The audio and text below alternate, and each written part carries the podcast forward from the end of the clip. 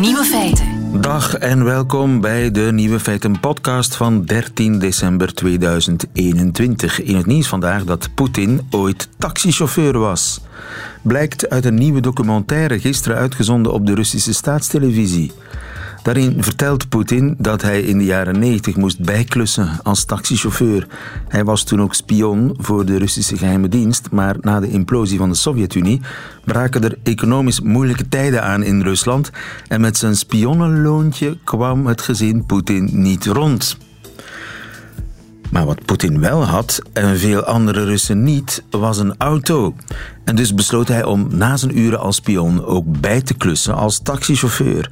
Dat Poetin dit nu toegeeft is groot nieuws in Rusland, want de Russische president schaamt er zich een beetje voor. Zou u instappen? De andere nieuwe feiten vandaag. In Italië blijft één regio achter in de strijd tegen corona. En dat is het hoofdzakelijk Duitsstalige Zuid-Tirol. De snufjes in de Formule 1-auto vandaag zijn die van de middenklasser van morgen. Maar blijft dat ook zo in het elektrische tijdperk? Veel Britten zijn niet blij met de Noorse kerstboom op Trafalgar Square. Ze willen een andere. En Alex Visorek vraagt zich af of het seksisme in de Franse politiek nu definitief voorbij is. De nieuwe feiten van Nico Dijkshoorn hoort u in zijn middagjournaal. Veel plezier. Radio 1. Nieuwe feiten. Nederland is kampioen Formule 1. Gefeliciteerd Verstappen. Hij heeft hem! Hij heeft hem! Gekhuis! Al vragen velen zich af of Formule 1 nog wel van deze tijd is, nu auto's alsmaar elektrischer worden. Ernest Knoors, goedemiddag. Goedemiddag. U bent uh, motoringenieur geweest bij BMW en Ferrari. Ja, correct. Als je die beelden ziet en dat uh, gebrul van die verbrandingsmotoren hoort, denk je toch... Ja, het is mooi geweest, Formule 1, maar dat, kan dat eigenlijk nog wel in deze tijd? Nou ja, dat, dat kun je je zeker afvragen. Um, feit is dat, dat Formule 1, uh, net als alle andere sporten, met zijn tijd meegaat. En uh, als je de regels in Formule 1 reglementen zo zet dat de ontwikkeling die gedaan moet worden om snel te zijn op het circuit ook relevant is voor straatauto's, dan heeft Formule 1 zeker nog een rol te spelen bij het ontwikkelen van technologieën waar uh, iedereen een voordeel van kan hebben. Maar komen er Formule 1 auto's ooit die uh, 100% elektrisch zijn? Nou, dat is een keuze die de, de, de governing body, de FIA, uh, samen met de fabrikanten moet maken. Op het moment wordt daar niet op ingezet. Dus op het moment wordt ingezet op een hybride aandrijving. Dat betekent een combinatie van verbrandingsmotor met een elektromotor. Maar wat wel gaat komen in 2026 is een nieuw reglement waarbij de zogenaamde e-fuels worden geïntroduceerd. En e-fuels zijn eigenlijk brandstoffen voor een normale verbrandingsmotor die niet gebaseerd zijn op aardolie, maar die synthetisch worden gemaakt. Dus de bouwstenen van die brandstof komen, uh, kan men uh, gewoon CO2 uh, en waterstof voor gebruiken, wat men zou maar zeggen, uit het milieu kan halen. En daardoor worden die brandstoffen eigenlijk emissieneutraal in die zin. En dus dan kun je met verbrandingsmotoren blijven werken, want dat is voor Formule 1 wel heel belangrijk. Die verbrandingsmotor volledig elektrisch, dat lukt technisch gewoon niet. Nou, dat lukt technisch uh, in die zin wel. Er is een kampioenschap, uh, Formule E, uh, niet 1 maar E, wat dus wel volledig elektrisch is. Maar dat kampioenschap bestaat al. Um, daar zitten nadelen aan. Die, die auto's hebben minder vermogen, kunnen nog steeds minder ver rijden. Uh, dus Formule 1 uh, kiest eigenlijk voor een andere weg. Ja. En die hybride aandrijving, uh, ja, die is wel meer in lijn met wat de fans van Formule 1 verwachten. Dus het zijn de, de meest krachtige motoren, de meest krachtige aandrijflijnen. En er zit ook iets meer beleving bij qua geluid. En, ja, qua, want dat, dat geluid is belangrijk. Hè? Kun je je Formule 1 voorstellen waar alleen maar... Dat, dat, dat ja, lukt ik niet, niet hè? maar ik ben een, ik ben een oldschool motoringenieur. En ik ga ook zeker met mijn tijd mee. Maar uh, ja, een Formule 1 race, uh, die moet alle zintuigen prikkelen. En dat moet visueel uh, spannend zijn, maar dat moet ook je gevoel en ook je gehoor uh, beïnvloeden. En ja, dat is een totale immersie in, in, in, in een beleving. En als je de elektromotor ziet, dan is het toch een beetje zoals voetbal in een leeg stadion. Je mist gewoon een dimensie. Ja, plus die elektrische, die full elektrische Formule 1 auto's, die zijn natuurlijk veel zwaarder, want die batterijen die wegen. Ja, en dat is eigenlijk ook een beetje het probleem wat je natuurlijk op de, in de straat uh, toepassingen tegenkomt. Hè. Hoe meer uh, range je eigenlijk wil toevoegen aan zo'n auto, hoe zwaarder die wordt. En je, je, je reduceert daar weer eigenlijk de range mee. Dus effectief uh, kun je eigenlijk op die manier uh, niet echt uh, een, een betere concept ontwikkelen. En dat, daarbij zal ook een, een, hybride powertrain denk ik, in de toekomst nog steeds een rol spelen, zowel op het circuit en op de straat. Ja, maar verliest Formule 1 dan op die manier niet zijn, ja, zijn spitsrol? In, in die zin dat wat je vroeger eerst bij de Formule 1 vond, vond je een paar jaar later in de middenklasse auto's, waar we allemaal, of sommigen onder ons dan mee rijden. Uh, en, en, en, dreigt Formule 1 dan niet die rol te verliezen? Nou, ik denk als ze de regels juist kiezen, dat uh, op de juiste manier kiezen, het reglement uh, waarin ze binnen moeten ontwikkelen, dan niet. Je kan natuurlijk nu gaan kiezen dat je steeds meer, uh, zal maar zeggen, vermogen moet gaan halen uit de elektrische aandrijving van de hybride. Dus je kan die, die balans tussen verbrandingsmotor en ehm, elektromotor gaan verschuiven. en je kan natuurlijk de ontwikkeling van die e-fuels toepassen. En die e-fuels die zijn wel heel relevant, want we kunnen wel allemaal zeggen zeggen dat we in 2030 misschien geen nieuwe verbrandingsmotoren meer verkopen in voertuigen. Maar het hele bestaande wagenpark wat verbrandingsmotoren heeft, voordat dat helemaal vervangen is door elektromotoren, zijn we extreem veel verder. En in de tussentijd kan het gebruik van e-fuels wel de carbonemissie van eh, de CO2-emissie eigenlijk van eh, die eh, auto's enorm reduceren. Ja, en in die zin is e-fuel dan wel weer toekomstgericht, zeg maar. Misschien ook wel de toekomst van de liefhebbers van oldtimer die dan ook af en toe eens een auto nog uit de, uit de garage kunnen halen op e-fuel? Ik denk dat dat, uh, dat dat wel tot de mogelijkheden behoort. Ik denk ook dat het wel zo is dat de, de, de toekomstige oplossingen. Kijk, we hebben een, een situatie gecreëerd waar de verbrandingsmotor eigenlijk alle uh, vlakken en toepassingen afdekt. En wat je in de toekomst gaat zien zal veel meer maatwerk zijn. Er zullen toepassingen komen waar waterstof een rol speelt. Er zullen toepassingen komen waar puur elektrisch, uh, binnenstedelijk een grote rol speelt. Maar er zal ook altijd een, uh, denk ik, een markt bestaan voor een oude verbrandingstechnologie in, in combinatie met een elektromotor.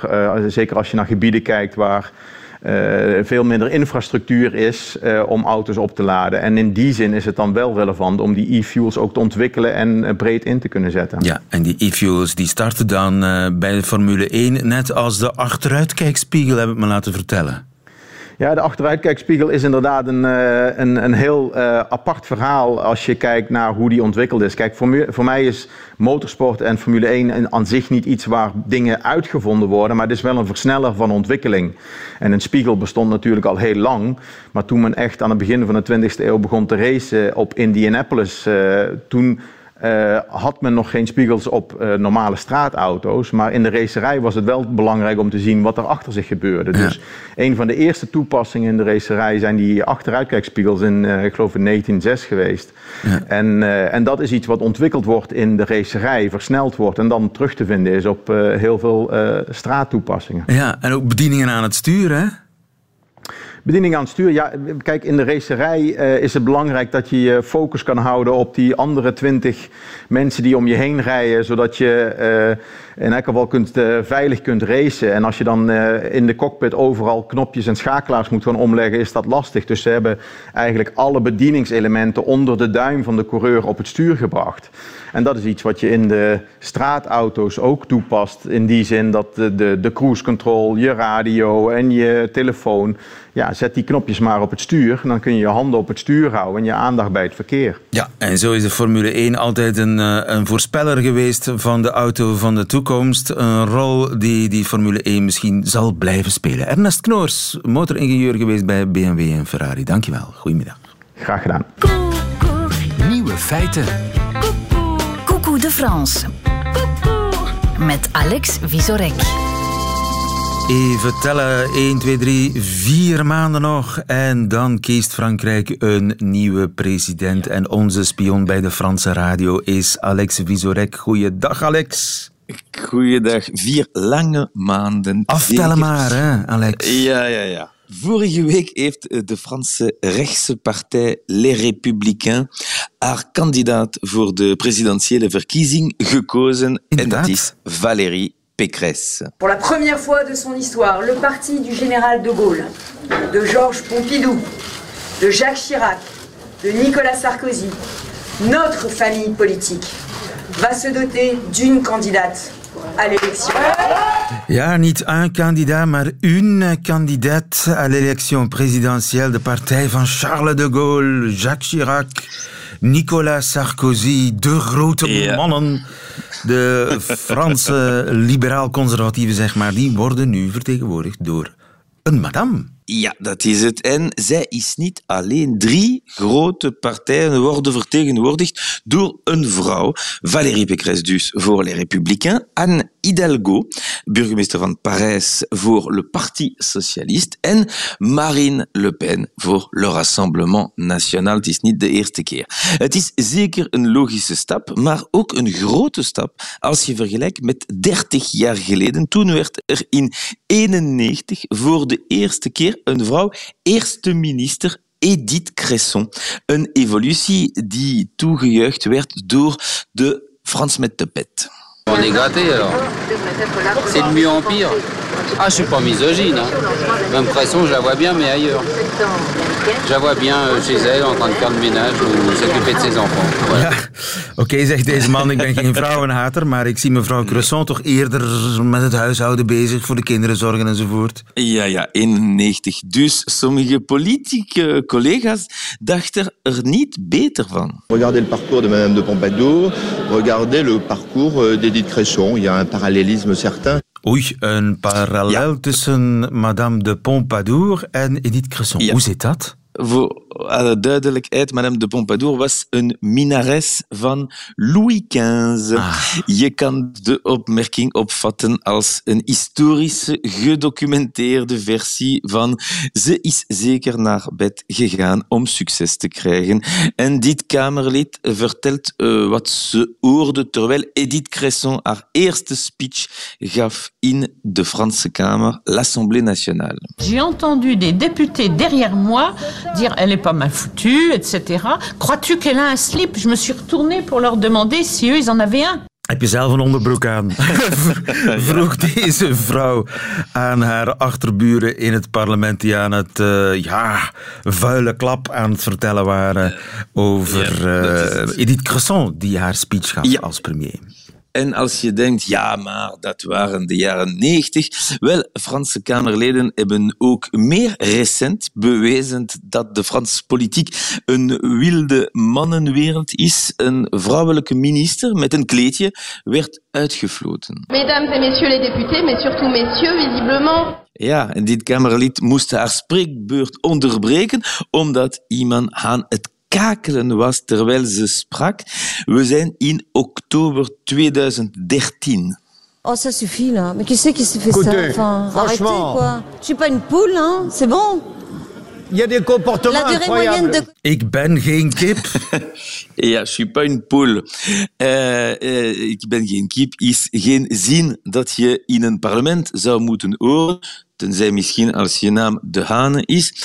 Ook geitjes, geluidjes en eh, vergelijkingen met bloempotten zijn aan bod gekomen, maar het verandert. In de tijd van Edith Cresson waren er maar 6% vrouwen in l'Assemblée nationale, nu 40%.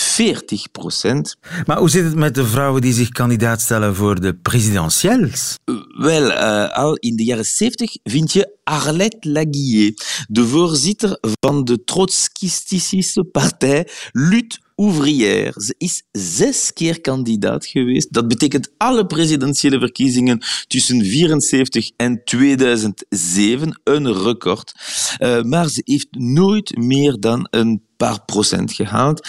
Voor een vrouw die echt kans maakte om president te worden, moet je naar de PS kijken met natuurlijk Ségolène Royal in 2007 dus.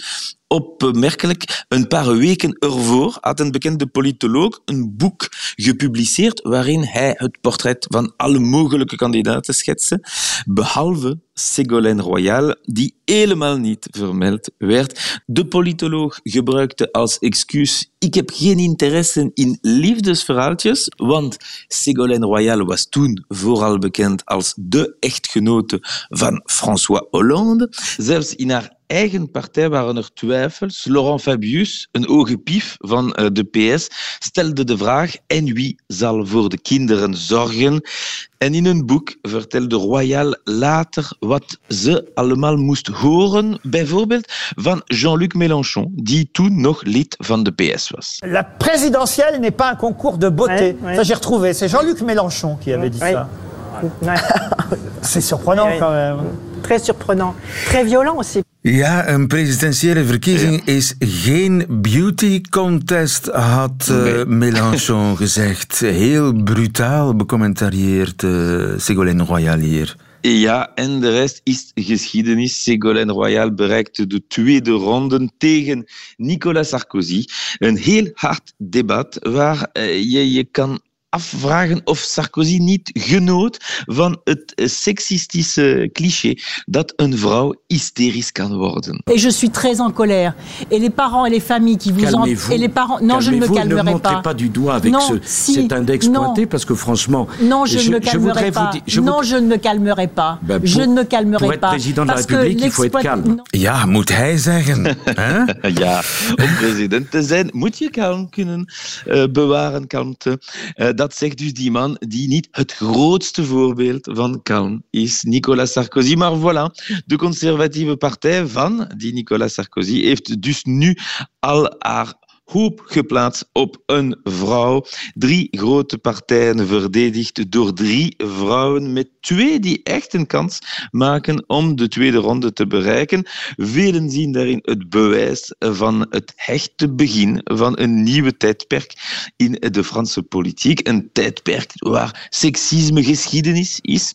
Volgens een peiling van vorig jaar vond 71% van de Fransen dat een vrouwelijke president wenselijk was. Nu is het afwachten als die politiek werkelijkheid kan worden. We wachten in eh, spanning nog vier maanden Ja. en de Fransen kiezen een nieuwe president. Eh, In afwachting daarvan wekelijks een bijdrage van eh, onze spion bij Radio France, onze landgenoot Alex Visorek. Tot volgende week, Alex. Radio 1. Nieuwe feiten.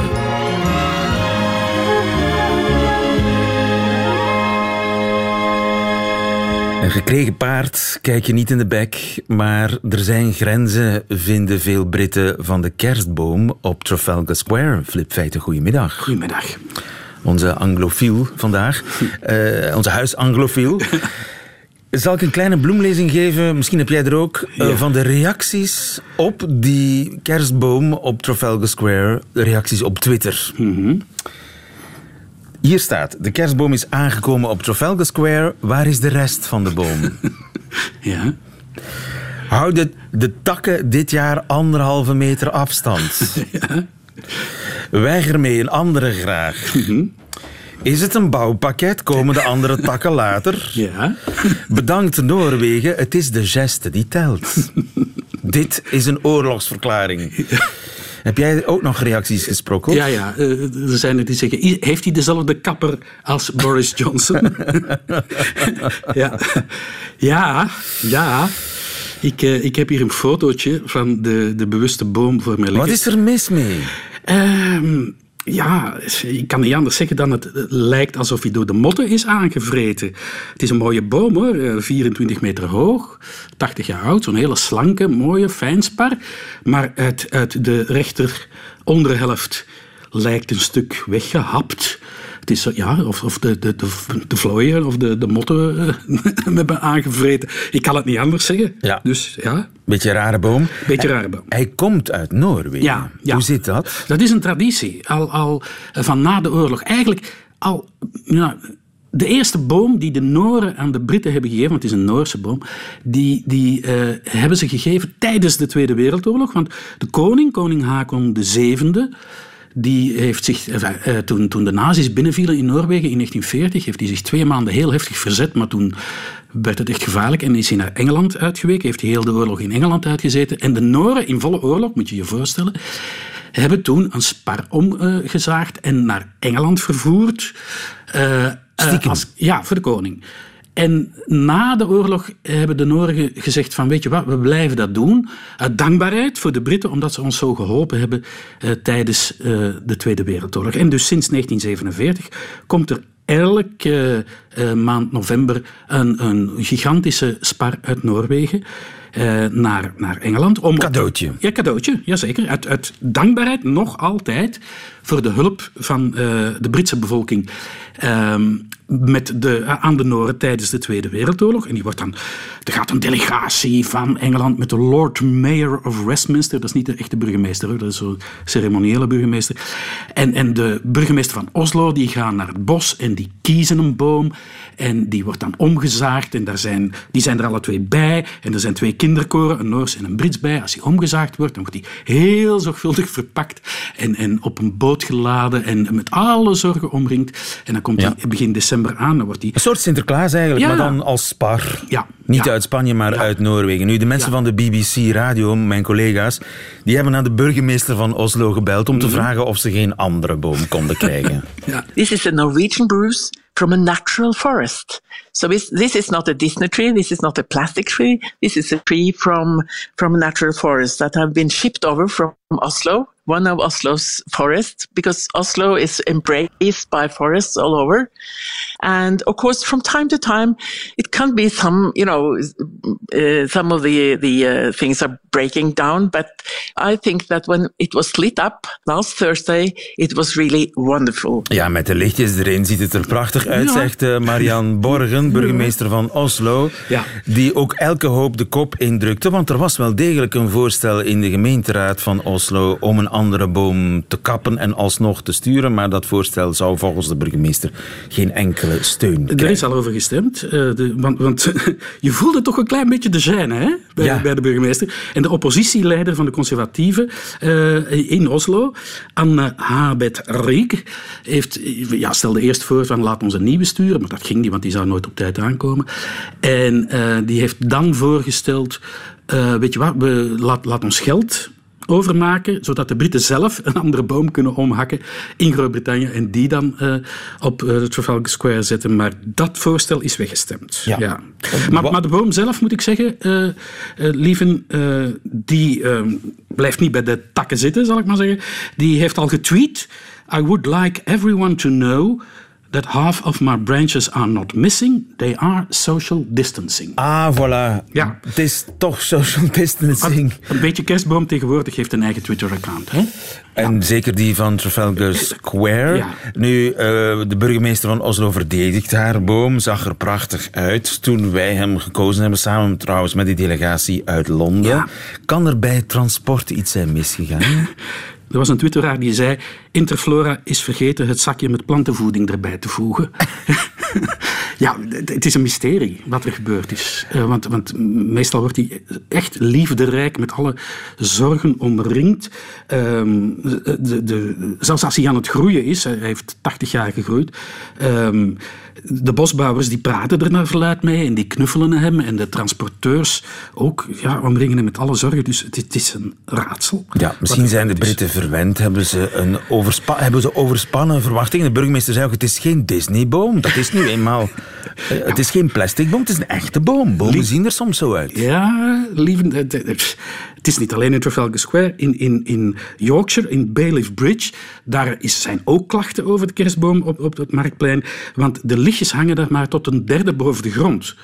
En dan niet meer. Dus twee derde van de boom is onverlicht. En daar heeft het gemeentebestuur gezegd, ja, maar de boom is te hard gegroeid. En we hebben geen eh, toestellen, geen, geen hoogwerkers die hoog genoeg zijn om op veilige wijze, health and safety, eh, verder in de boom lichtjes te hangen. Ja. het, is, het is overal wat. Ja, en zolang de Britten zich daarover zorgen kunnen maken, is er eigenlijk niet zo gek veel aan de hand in Groot-Brittannië, denk ik. Ik denk toch dat er volgend jaar met extra zorg zal gekeken worden naar hoe de boom... eh, toen hij vertrok was hij prima, hè? eh, eruit ziet als hem kappen. En vooral als ze hem eh, vervoeren en dan weer oprichten. Want ja, de eer van het land Noorwegen staat toch wel een klein beetje op het spel. Ja, en het symbool van vrede en vriendschap tussen de volkeren. Juist. En dat moet, dat moet bewaard blijven. Hè? Ze zullen het ermee moeten doen dit jaar met de boom die met een paar takken eraf is aangekomen op eh, Trafalgar Square. Flip Feiten, dankjewel. Hou ons op de hoogte van de wederwaardigheden. Heel graag. In Engeland.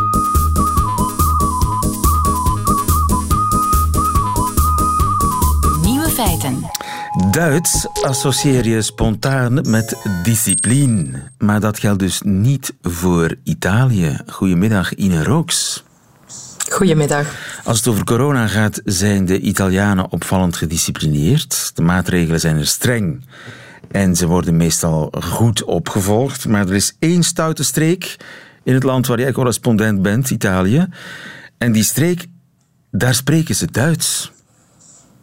Ja, ja klopt. Um, ik ben vorige week naar Trentino Alto Adige getrokken. Dat is uh, in het Nederlands Zuid-Tirol. Dat is uh, een streek van Italië die uh, tot een jong deel van het land behoort. Dus pas, pas, pas laat deel van Italië geworden na de Eerste Wereldoorlog. En is een regio met veel eigen vrijheid, hoge graad van autonomie, omdat er ook Duitsstalige Italianen wonen. Een speciaal statuut waar wij in België alles van kennen, hè, van speciale taal- en culturele rechten. En daar gaat het niet goed met de cijfers. de vaccinatiegraad heeft daarmee te maken. Uh, een hoog aantal besmettingen en beduidend lager aantal gevaccineerden. Ja. En uh, de gouverneur die ik vorige week sprak van die uh, semi-autonome regio zegt we moeten er geen doekjes omwinden. Uh, het ligt aan de Duitsstalige Italianen, waartoe hij ook um, behoort. Um, dus uh, hij zegt, ja, die laten zich beduidend minder uh, vaccineren, laten, zijn veel meer um, afkerig voor de prik. Ja. Dat is toch raar, want de Italianen die zijn zeer gedisciplineerd als het op corona aankomt. Met mondmaskers en pasjes -huh. en strenge maatregelen. En vaccin de vaccinatiegraad in Italië ligt hoog. Ja, ligt hoog doorgaans. Als je dan kijkt naar de gemiddeldes, als je het uh, nationale gemiddelde in Italië vergelijkt met dat in de, in de autonome provincie Bolzano, dan ligt het in orde van grootheden niet zo verschrikkelijk veel lager. Dan gaat het maar om een vijftal procent. Maar dat is een beetje een vals gemiddelde, omdat daar ook de steden in die regio bij zitten. En daar is uh, de vaccinatieskepsis veel lager. Dus daar laten mensen zich wel uh, inenten. Het probleem lijkt zich af te spelen in het berggebied, in de Dolomieten waar nu al een flink pak sneeuw uh, op ligt en waar het skiseizoen ook is begonnen. Dus dat is ook niet uh, ongevaarlijk natuurlijk. Er gaan uh, weer heel wat um, toeristen uit binnen- en buitenland naar de streek trekken. Gaan met de skipas, die wel ge, ge, gekoppeld wordt aan het COVID-certificaat, maar toch wel weer die skipisten optrekken. En dan daarna in de bierstoeben um, duiken. Dus dat is allemaal niet ongevaarlijk. En in die valleien met uh, veelal Duitsstalige en Ladino sprekende mensen. Ladino? Oude, Wat is Ladino? Een, ja, een oude, een de, de derde taal in de streek. Ja, het is een meertalige regio. Ook daarom weer doet het een uh, stukje aan België denken. Um, dus behalve Duitsstalige en Italiaanstalige Italianen zijn er ook Ladino-sprekers. Dus dat retro-Romaans. Oude, oude Romaanse, ja, een ja. oude Romaanse taal die uh, ja, behoorlijk uh, moeilijk is om daar kop of staart aan, aan vast te ja. knopen. Dus, maar ja. heeft het met dat Duitse te maken of heeft het met de bergen te maken? Het is een beetje een discussie van wat is uh, de kip of het ei. Hè? Um, dus de Duitsstalige Italianen daar zijn cultureel, taalkundig veel sterker gericht op uh, de Oostenrijkse en de Duitse media. En daar heb ik me laten vertellen door meerdere mensen in de streek, um, is er veel meer vaccinskepsis die aan bod komt in uh, televisiedebatten, op de radio. Wat ook mensen zeggen als verklaring, de Tiroler man of de Tiroler vrouw een sterke connectie heeft, dat die man of vrouw een sterke connectie voelt met de bergen, met de natuur, um, natuurkundige, uh, geneeskunde, homeopathie. Het is allemaal veel sterker ook in Duitsland, in Duitsstalig Italië dan in de rest van Italië.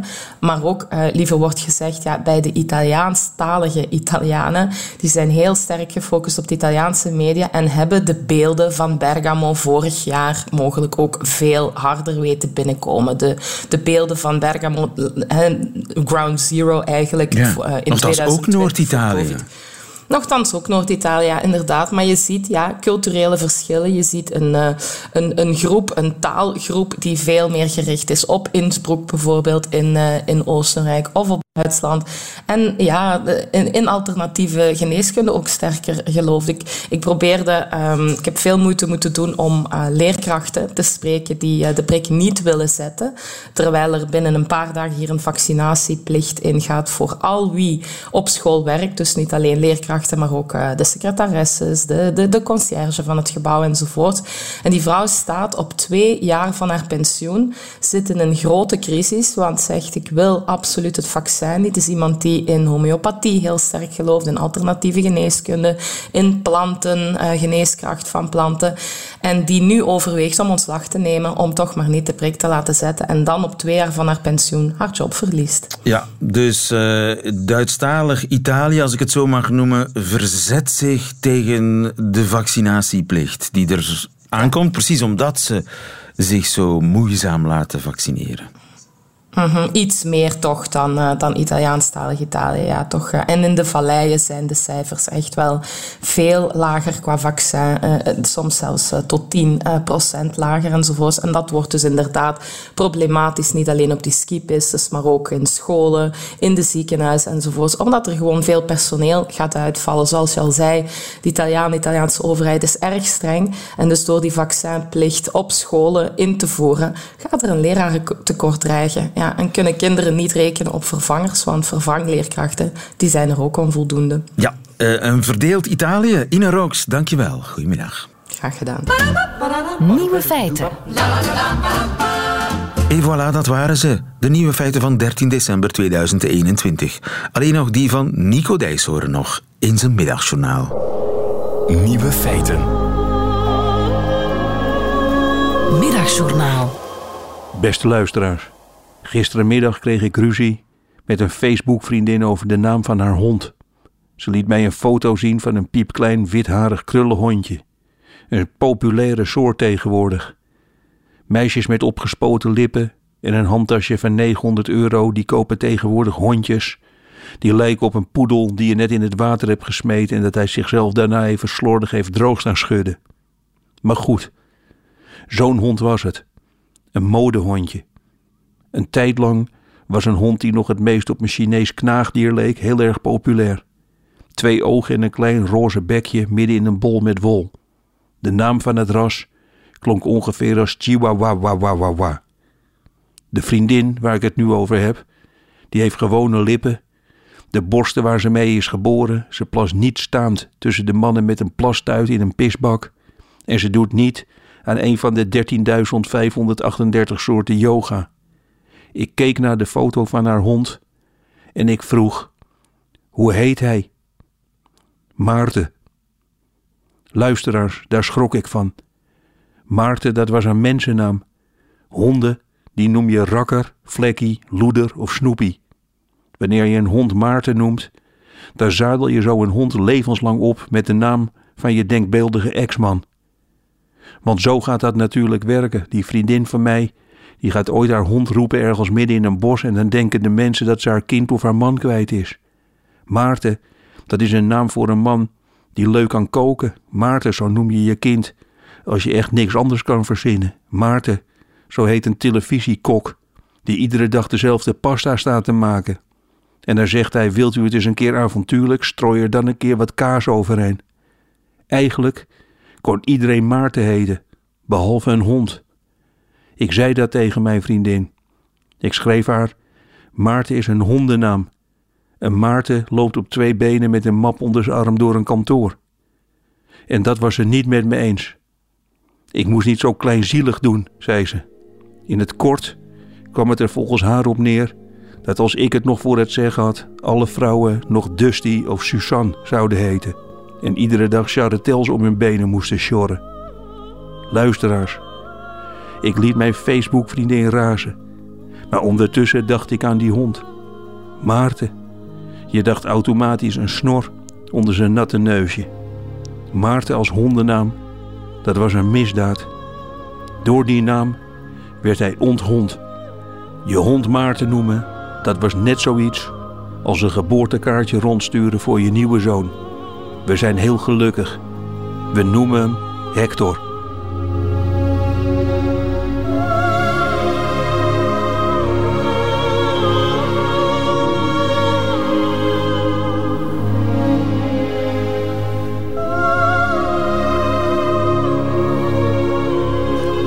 Middagjournaal met Nico Dijkshoorn. Einde van deze podcast. Hoort u liever de volledige nieuwe feiten met de muziek erbij? Dat kan natuurlijk live elke werkdag op Radio 1 tussen 12 en 1 of via de app of de website van Radio 1 On Demand. Tot een volgende keer.